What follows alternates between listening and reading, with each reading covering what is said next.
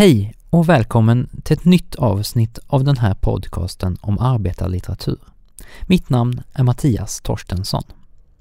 Nu har det blivit dags för vårt första bokcirkelsamtal. Tillsammans har vi läst Maria Sandels novell Vid svältgränsen. Och jag ska säga först att du inte måste ha läst novellen för att lyssna på det här avsnittet. Vi har försökt förklara och beskriva så att alla ska kunna hänga med. Vill du läsa novellen finns den fritt tillgänglig på nätet. Du hittar den via hemsidan arbetarlitteratur.com. Ett bra tips är att först lyssna på avsnitt två av den här podcasten som handlar om Maria Sandel och som ger en bakgrund till hennes liv och författarskap. Men nu kör vi!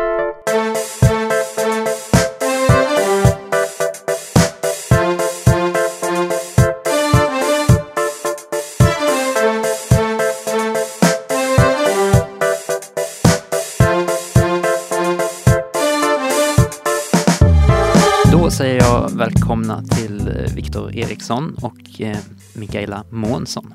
Tackar. Tack, tack. Och eh, Viktor, du berättar, du jobbar som journalist och gymnasielärare. Ja, journalist, lärare, ibland brevbärare, lite arbetare också ibland. Allt möjligt. Vad, Mm. vad är din relation till böcker? Ja, jag brukar säga att jag har många på nattduksbordet så att jag jobba på att eh, bli bättre på att läsa dem. Nu har jag ju tagit tag i det och eh, läst i alla fall eh, novellen här som till idag. Så att nu har jag fått mer smak på att hitta mer av det här. Annars blir det svårt att ta sig tid till sådana njutningar, eller vad man ska se det som.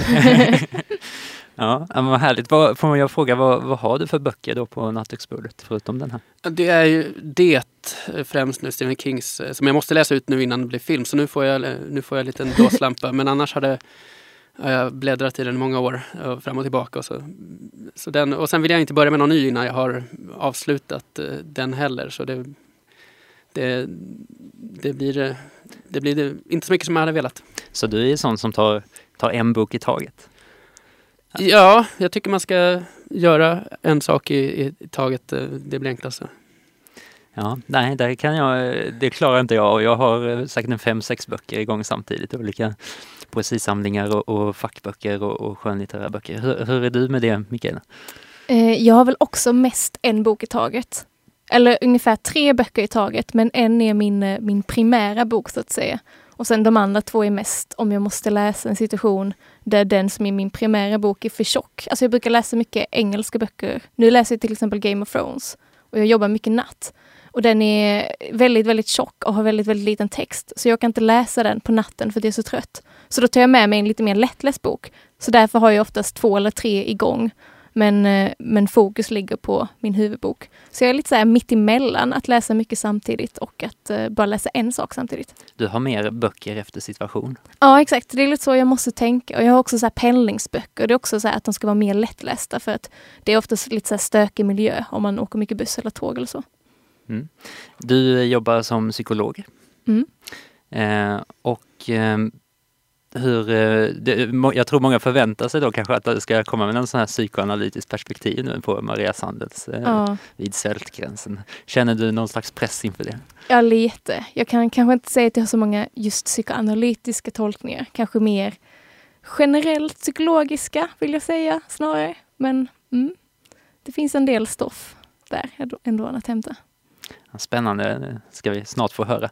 Först Mm. vill jag också fråga om eh, er relation till arbetarlitteraturen, Viktor. Har du läst eh, mycket arbetarlitteratur? Eh, ja, om, om man klassar uh, Vilhelm Moberg som arbetarlitteratur, och det gör ju du, så, så, så då kan, jag- har jag läst Rid i natt när jag gick på, på gymnasiet. Det är väl det enda. Annars blev det ju mest Strindberg, Lagerlöf, Södberg Söderberg och, och, för, och sånt från sekelskiftet. Så att det är ju det är inte arbetare på något sätt. Så att, det, det här var nog det första riktiga arbetarlitteraturen som beskriver, beskriver det livet. Även om Selma Lagerlöf beskriver eh, fattigdom och utsatthet och prostitution och allmänt, eh, eh allmänt, eh, allmän olycka så, så blir det lite annan grej. Eller, vad, vad, eller håller ni med om att eh, Mm. Mm. Ja, men hon gör det ur en annan eh, synvinkel kanske. Mm. Ja, i staden främst då. Det, Nästan Lagerlöf i Kejsaren på Galgen beskriver beskriver om vedermödorna i, i Värmland så, så handlar det om eh, ja, om det hårda livet eh, på, på landet och få det att gå ihop. Här är ju på fabriken och eh, med en elak eh, chef som eh, bossar. Mm. Mm, precis, det är, eh, jag vet du är ju från Stockholm Mm. Ehm, och eh, när jag pratade med dig inför det här så, så sa du att eh, eh, det var intressant att, att läsa om, om Stockholm. Ja, men man, jag, jag tänker ju arbetarlitteratur oftast att det utspelar sig på, på landsbygden och eh, no, som i, i Västerbotten och allt det liksom eh, statare och ute på, på jordbruket här. Men eh, sen har vi ju väldigt stor arbete, eller arbetarklassen är ju, borde egentligen vara det skildras i Stockholm egentligen, men så har det blivit väldigt mycket just landsbygd av, av någon anledning. Så det var intressant. Inte för att just den här novellen vi läste eh, idag, eh, Vid svältgränsen, var en särskild Stockholmsskildring. Det enda som nämns är eh, eh, Klara, Klara sjön då, som inte är Och riktigt Hötorget Och Hötorget, ja just det. Så där man kan man, där. det, Mm. men, eh, och, så, och så tänker man lite så här, oj hon bor mitt i stan, hon ska Ja. inte gnälla. Så Nej, exakt. Så Hon där- har det gott Ja. ställt. Ja, Mikaela, hur, eh, vilket är ditt förhållande till arbetarlitteratur? Mm, jag har väl inte heller läst särskilt mycket, måste jag säga. Jag har väl kanske snarare läst eh, mer av lite mer moderna eh, författare som skrivit arbetarlitteratur. Till exempel Susanna Alakoski då. Hon skriver ju nu samtida böcker. Jag har faktiskt inte läst något som är från eh, 10, 20 och 30-talet som den här är väl från 1908 eller sånt. Mm. Det har jag faktiskt inte läst innan så det var väldigt spännande. Mm. Härligt, ska vi då eh, prata lite om eh, den här novellen? Eh, Mikaela, vad är ditt eh, första spontana intryck? Och mitt första spontana intryck är nog eh, att jag fick ett nytt favoritord som jag tyckte var jättekul. Kommer ni ihåg i början när hon skulle sätta upp sitt hår? Den här, eh, åh jag har glömt, Hult, Agda, heter hon Agda? Mm. Så, så kollade hon på sig själv i spegeln och var behagssjuk. Och det tyckte jag var ett jätteroligt ord. Att, att, att det ansågs som sjukligt att hon eh, kunde liksom vältra sig åt att sätta upp sitt hår på ett väldigt fint sätt. Att det, liksom, att det beskrivs som att hon blev lite behagssjuk när hon kollade på sig själv i spegeln. Det tyckte jag var väldigt kul. Så det var nog min sponta- första spontana reaktion. Att många av orden blev väldigt lustiga om man sett liksom i dagens ljus. Att jag reagerar också på formuleringen när mamman var väldigt orolig och satte sig ner i ett hörn. Så, så lade hon sina händer overksamt i knät. Och det tänker jag också är så här, symptomatiskt på att man hela tiden skulle arbeta och streta. Att bara att hon liksom inte gjorde någonting aktivt just nu som var de overksamma. Det tyckte jag var väldigt kul och fnissa lite åt att, ah, ja, det var, det var lustigt tyckte jag. Mm. Eh, Viktor, ditt spontana första intryck?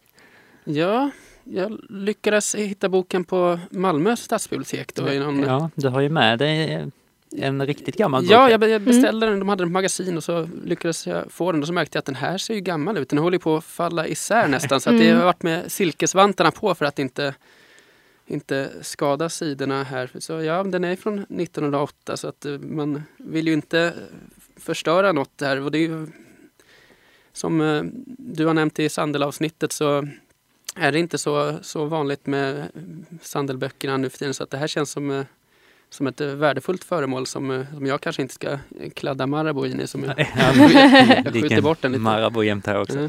Mm. Ja. Ja, Ja, precis. Det är första upplagan från 1908, just Mm. som du håller i. Men, jag har sett den på bild bara, men nu ser jag den i verkligheten också. Den är- Livslevande exemplar. Ja, verkligen Mm. fantastiskt. ja nej, men det första som slår mig, man kan ju ana att, vad den kommer handla om eh, eftersom eh, titeln är vid svältgränsen, att det inte blir någon munter historia. Och först beskrivs det ju hur, hur Agda Hult eh, vaknar upp i rummet och, och det är fattigt hem för hon, hon delar säng med sin mor och men trots det så, så är hon väldigt glad för det lilla. Hon klär sig fint i sidenband och, och rosetter och, och gör sig i ordning och sen trippar hon ut och solen ler mot henne och kyrkklockorna ringer och då, då redan där efter två sidor anar man ju som läsare att det här kommer inte sluta bra. Alltså du, Men det är Du- för positivt. ja, ja, men Ja, alltså, ja, men ja. en fattig flicka, så du, du ska Ja, du ska inte tro att du kan eh, undkomma din lott här i livet. Mm. Och, och så blir det ju också, utan att avslöja för mycket. Ja men precis, hon går ut på gatan och det, hon är ju då förlovad ihop med Oscar. Mm. Eh, och de planerar gifta sig och så går de ut en, en solig dag på, jag tror det är en lördag eller en helgdag. Det är en söndag, tror jag. kanske. Ehm, och eh, ja, sol, solen skiner och, och folket tittar på dem och det är, eh, är det öppna fönster och det är liksom allting Jo, är, jo, det tror jag. Och hundar som sitter och tittar i, i söndags skimret. Ja, jag vet inte riktigt. ja, men det var allt väldigt... är ju så fantastiskt. Ja. Men sen vänder det Mm, snabbt och brutalt. mm, För där kommer en, eh, de stöter ihop med en eh, gravid kvinna som kommer fram till Oscar och eh, det visar sig att den här kvinnan då är med barn med honom mm, och att han har supit och lämnat henne mm. bland annat. Och där vänder ju boken lite, eller Mm. novellen. Ja, absolut. Och så går det utför. Mm, Ja, ja, där i början så är det ju mest eh, en, en, som en relationscentrerad berättelse om, eh, om Mm. svekfulla karar och hur det ska gå för henne nu då för det visar sig att eh, hon är ju gravid och då behöver hon tänka på hur jag kan inte ta hand om barnet eh, själv för hon, precis som hennes mor har tvingats ta hand om henne så vill hon inte att det går samma öde till, till mötes. Så Ja. det blir ett problem på den här tiden också. Hon kan ju inte vara ogift och, eh, och eh, moder heller. Ja precis, det visar sig att eh, Agda eh, har blivit gravid är ihop med Oscar. Ja. Eh, och så den här eh, att inte, att man måste gifta sig för att inte ha ett utomäktenskapligt barn helt enkelt. Mm. Eh, som blir som en press eh, Mm. på henne då, att, där hon måste välja att hennes mor uppmuntrar ju henne hela tiden till att eh, till att gifta sig med Oscar Mm. just på grund av, Av- barn. Av helt praktiska skäl, bara. För att eh, mamman verkar ju mer förklara att det bara handlar om att man måste tjäna ihop pengar till att leva. För att det är ju ingen som gifter sig av romantiska skäl vid den här tiden, försöker hon mena. Att man tycker ju mer om sina barn än sin man. Mannen är lite mer. Det är något som, ja, ser till att man har säkerhet och trygghet, tänker jag, i form av inkomst. Så mamman försöker ju propsa på det, men Agda själv verkar ju inte riktigt vara helt av den åsikten sen de stötte på den här gravida kvinnan på torget. Som då var den här andra som Oscar hade gjort gravid. Vad är det hon heter? Eh, Joanna Boman, Just jag inte. Ja. Mm. Ehm, vad säger ni om, om uh, moderns inställning här? Vem är hon? Vem är modern? Oj. Ja, modern vill ju inte att eh, Agda ska gå samma öde till, till mötes eh, som hon själv då, så hon eh, förstår ju att eh, det kommer bli svårt som fabriksarbetande kvinna att eh, fostra ett barn själv där i lilla enrummaren. Så det är ju, hon har ju rätt i sak men, eh, men eh, Agda låter ju känslorna gå före där. Hon, kan inte, hon vill inte gifta sig med någon som har svikit henne så som hon inte kan lita på. Så att eh, hon sätter eh, hon sätter prestigen, eller vad man ska säga, hon sätter eh, sätter samvetet eh, först. Jag fick lite känslan av att Agda ändå på något sätt velar, men när det väl kommer till punkt så är hon väldigt tydlig, kanske undermedvetet på något sätt, att, det, Mm. att hon bara handlar när hon står där och eh, Oskar vill ha kommit för att krama om henne och Mm. vill blir förlåten. Och, Ja, jag fick också känslan att hon velade innan dess, fram och tillbaka lite. Men sen, ja precis som du säger, när han väl dök upp så var det väl mer, ja men precis, att det blev en väldigt hetsk diskussion. De skriker väl lite på varandra och har väl också ett gräl liksom. Eh, och då blev det ju liksom, nej, det ska vi absolut inte göra. Du kan ta din ring och liksom gå. Men det kändes inte som att det var säkert innan den punkten att det skulle bli så när jag läste, tänkte jag. Men precis som du säger, hon velar lite. Skulle hon ändå gifta sig med Oscar? Kanske det var något med den andra kvinnan som inte riktigt... Alltså, så. Men ja. ja, och sen när de står där så, så, så bara det händer på något sätt att det finns Ja. någonting i henne som inte kan förlåta honom. Mm. Även om hon har intalat sig att hon kanske skulle försöka på något sätt. Mm. Precis. Ja, eh, Oskar då. Han är ju en, eh, han dricker får vi veta och han eh, tar inte hand om, eh, han bryr sig helt enkelt inte om sina, vad vill han egentligen? Vad, vad är han ute efter? Alltså, jag tyckte det var svårt. Han försöker ju förklara för Agda att han inte har varit förälskad i någon kvinna innan henne och att därför ska de två gifta sig så att de kan föda barnet, säger han då när, de, när det här uppbrottet sker mellan dem. Men jag får liksom inte riktigt känslan innan dess att de kanske är jätteförälskade, men det kanske också är språket den är skrivet på. Jag vet inte var jag fick den tolkningen ifrån. Uh, så jag vet, jag vet, inte riktigt vad hans motiv med giftermålet från första början var. Jag blev inte riktigt klar på det. Jag vet inte om ni har någon tanke? Nej, och han är inte medveten om att hon är gravid heller förrän hon berättar det under ett mm. gräl. Mm. Mm. Precis. Och hur reagerar han då? Han blir ganska, förv inte förvånad, men han blir... Jag kommer inte ihåg. men han ville, väl, han ville väl fortsatt gifta sig med Agda och ta hand om barnet. Så tolkar jag det som. Att han ville ju det fram tills att de började mer kasta lite glåpord på varandra kanske. Och då blev han också hetsk tillbaka. Och så hotar han med att mig kommer du aldrig få se igen och så försvinner han och så mycket riktigt så ser vi aldrig honom dyka upp i novellen igen. Men jag vet inte heller om han blev jätteglad. Återigen, jag är inte helt klar på vad hans känslor eller motiv i hela berättelsen går ut på. Och ändå är det du som är psykolog. Ja, ja men det är kanske just därför. Vem är han egentligen? Vad är det här för filur? Kan jag undra. Men han verkar ju väldigt mån om att Agda inte skulle få syn på, på Janna Boman på torget. För så han försöker ju avleda henne så att de två inte ska mötas. Så att den här Johanna inte ska... Så han verkar ju ändå någonstans förstå den prekära situationen de har och vilja kanske skydda Agda från det så att de kan fortsatt vara tillsammans. Jag vet inte riktigt mer än så. Mm, mm. precis. Ja, nu hittar jag stycket här i boken där hon konfronterar honom när han kommer hem från eh, ett eh, månadslångt jobb. Då. Hon har fått brev från den här andra kvinnan, Johanna Boman. Och så säger eh, Agda då att ja, ser du, det lönar sig inte längre att ljuga, Oskar. Hellre, än att hellre än att ta en beta bröd ur din hand så dör jag. Det blir väl alltid någon råd för mig och vårt barn. Barn? Vårt barn? frågar han då. Ja. Det var då en ren helvetes nyhet. Ska man nu få det eländet på sig också? Jaha, så han är inte så glad? Nej, Nej han, precis. Det... det... är kanske därför jag är så förvirrad över han, varför han egentligen vill gifta sig med Agda eller vad hans känslor i det här ligger liksom. Om han inte heller gläds åt ett barn liksom. Nej. Det finns ju en intressant eh, aspekt här tycker jag också att, att, att det som är det eh, som, som morden ser som det, det mest fasansfulla är ju skammen. Mm.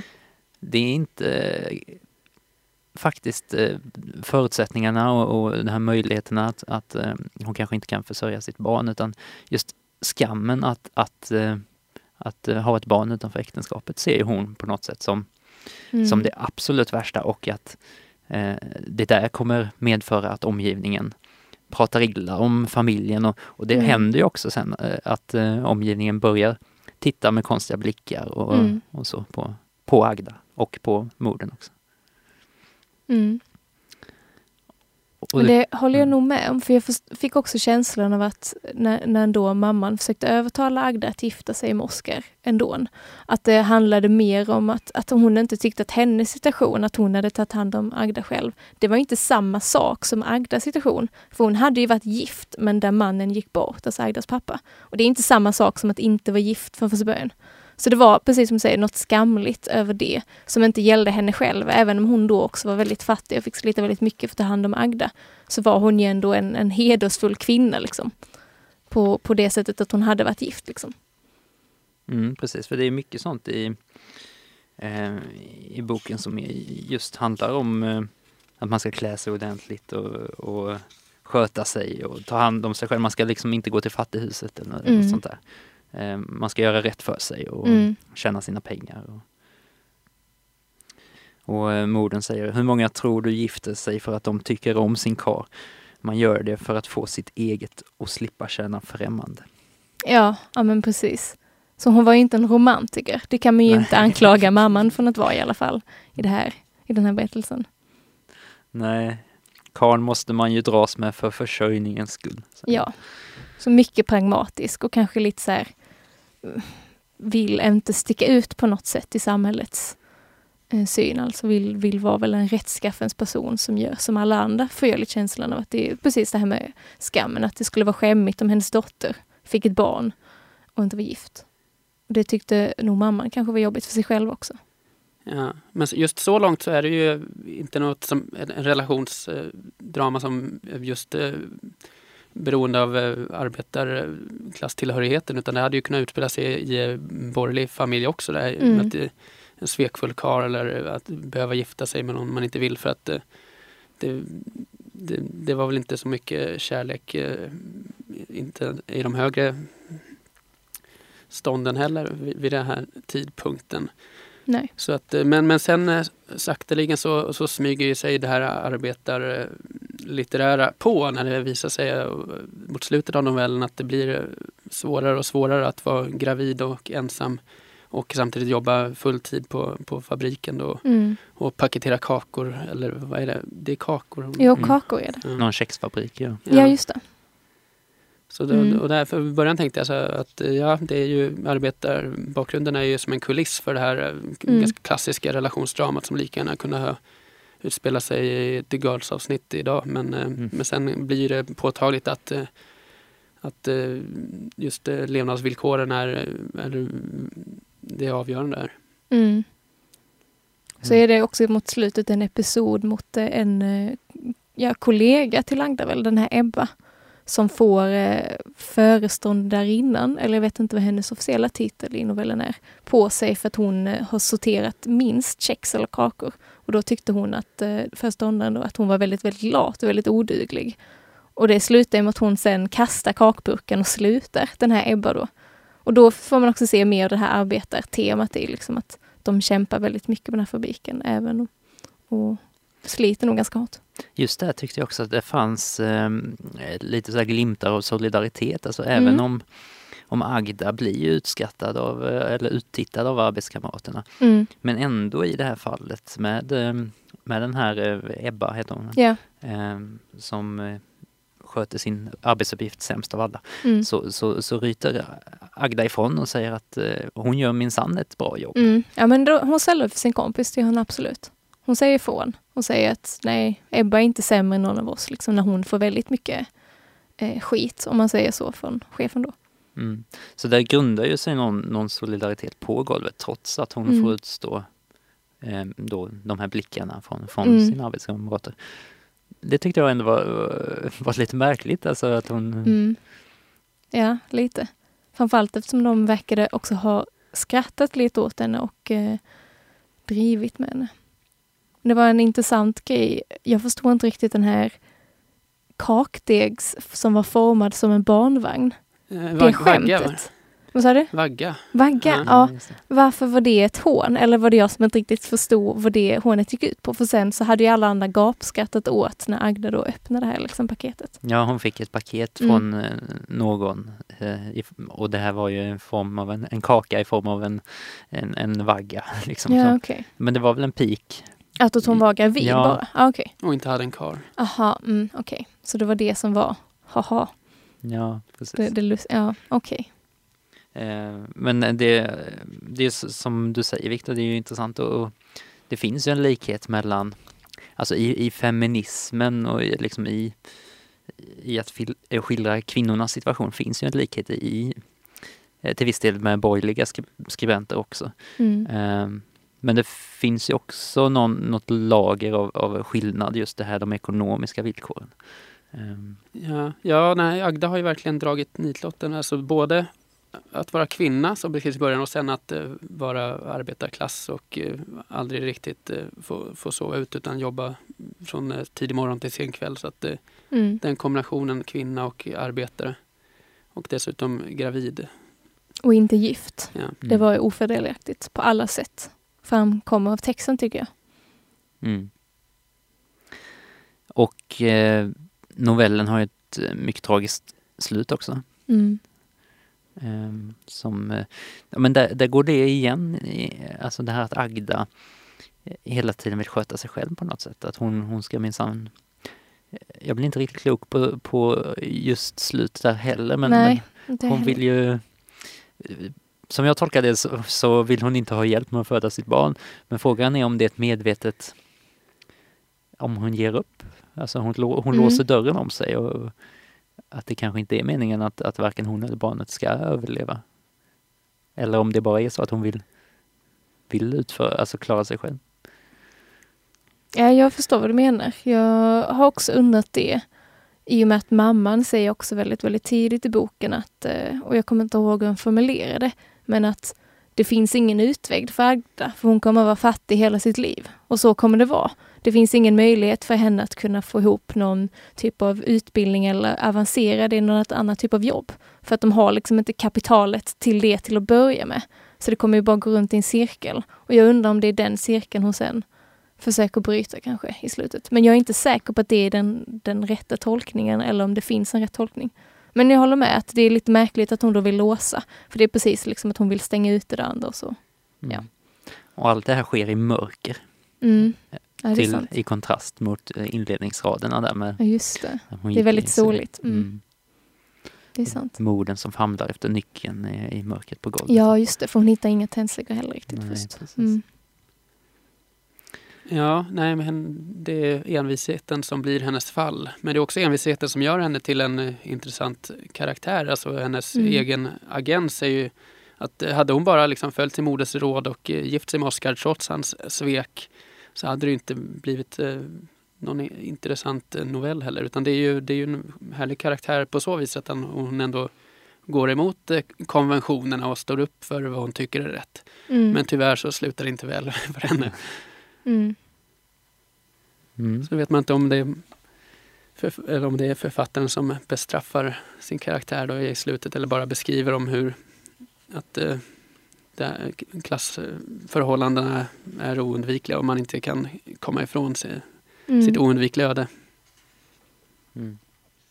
Mm, det är sant, jag håller med att envisheten gör en intressant. Men också liksom att hon har men också lite det här om man kopplar till feminismen igen, liksom att hon har det tänket när hon eh, säger nej till förlovningen som ju ändå skulle vara gynnsamt ekonomiskt för henne, men hon tycker inte det känns rätt. Och jag vet inte hur pass ovanligt det var på den tiden att man som gravid kvinna tänkte att nej, jag ska minsann inte gifta mig med den här eh, opolitliga mannen som har liksom bedragit mig och haft fuffens med någon annan kanske, eller så här. Eh, trots att det då skulle bli sämre för henne ekonomiskt och liksom inte det som var konventionen. Och det är ju ganska intressant att hon gör så i sig. Ja, precis. Att kvinnor kanske inte hade det valet men, Nej, men ändå så gör hon det valet. exakt. Det visar känns kanske ganska, vi kanske inte ser det så radikalt när vi läser det, men det kanske var det när man läste med den tidens ögon, om ni förstår vad jag menar. För nu känns det som att det, har, det gör väl folk i modern tid, eller så här. Det är inte jättekonstigt, men jag vet inte om det kanske var det 1908. Ja, Mm. Ja, på ett sätt visar hon ju att det är möjligt men å andra sidan så Mm. bestraffas ju den karaktären som försöker sig på det. Mm. mm, ja det är sant. Vad, vad, f- blir ni intresserade av att läsa mer om Maria Sandel? När ni läste den här? Ja, jag tyckte som sagt, jag har ju fått nya favorituttryck från den Ja. här boken som jag tyckte var spännande. Att, att sitta overksam. tyckte jag var kul. Ja, så jo men absolut. Var det svårt att, att sätta sig in att, att det är 110 år tillbaka i tiden här? Var det, var det var ni, mycket ni kände igen er i eller var det liksom svårt att komma in i det? Det gick nog ganska snabbt att fatta vad, vad det handlar om, även om just fabriks eller arbetsförhållanden och den misären eh, kommer ju först eh, mot andra hälften av novellen så, så förstår man tidigt att eh, vad som är villkoren för hennes relation och, och liv. Mm. Nej, men jag tyckte också det var ganska lätt att komma in. Det var, det var liksom lätt att, eller temana kändes ju fortfarande relevanta, framförallt att det börjar med en relation. Det är ju något de flesta har läst om flera gånger. Det var lätt att komma in i berättelsen på det sättet. Liksom. Känslorna är eh, likadana i alla tider. Ja, ja men precis. Temana kommer igen. Liksom. Ja. Men eh, det antyds också i texten just att eh, hennes som, som eh, hör- tillhörande arbetsklassen att det även påverkar sådant som eh, känsloliv och relationer. Många kanske skulle tänka att eh, känslor eh, är de samma oavsett vad man arbetar med. Men, men här, här skrivs det tydligt att just arbetet på fabriken, ska se vad, vad hon säger här. Just att arbetsvillkoren på fabriken är förslöande och försvagar själslivets goda krafter. Och Mm. moden tänker till och med mot, mot slutet att när hon har, eh, trots att Agda har kommit hem trött från fabriken så, så kräver modern att Agda ska hjälpa till i, i tvättstugan till sen kväll. Och så tänker hon efteråt att, eh, att man ska vara så eh, att man ska vara så fattig att man inte har råd att vara snäll mot sina nära och kära. Ja, precis. Så att de ekonomiska förutsättningarna blir på något sätt grunden för, för hur man får känna eller kan känna. någonting. Ja, alltså en väldigt li- materialistisk syn på, på tillvaron. Mm. Mm. Det är ett väldigt intressant eh, samtal, eh, tycker jag. Ni eh, har sagt mycket som inte jag tänkte på, just det här med orden och, och det här Mm. som du nämner här i slutet. Ehm, och det är ett bra tillfälle att läsa novellen igen Mm. nu efter diskussion. Ehm, hur var det att vara med i ett boksamtal? Ja, det var mitt första riktiga boksamtal tror jag. Det gjorde du väldigt bra. Ja, tack. Jag har varit på seminarier, men det här blir en eh, annan sak. Ja, du Mm. sa till mig innan att du har ju varit på seminarium men, men inte läst böckerna. Nej, så att jag är bra på att gå på seminarier och inte läsa boken. Och det var mycket lättare när man faktiskt har läst. märkte. Mm. Ja.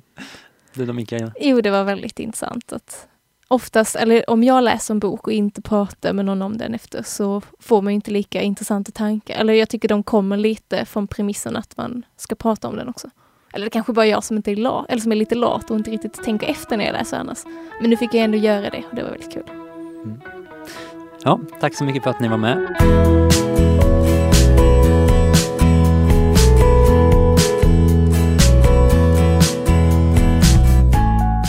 Tack Viktor och Mikaela. Mikaela har en egen podcast som jag vill tipsa om. Läsa böcker heter den och finns på iTunes och radioaf.se. Perfekt för dig som inte kan få nog av böcker. Är du intresserad av att läsa mer om Maria Sandel hittar du en lista över hennes verk på arbetarlitteratur.com. Var gärna med och diskutera novellen vid Svältgränsen på podcastens eh, Facebook-sida. Facebook.com arbetarlitteratur är adressen. Tack för att du lyssnat. Nästa vecka handlar det om samtida poesi. Jag har följt med poeten Jenny Wrangborg när hon reser runt i landet för att läsa sin poesi. Vi pratar bland annat om poesin som politiskt redskap, så missa inte det. Tills dess, ha det så bra. Vi säger så.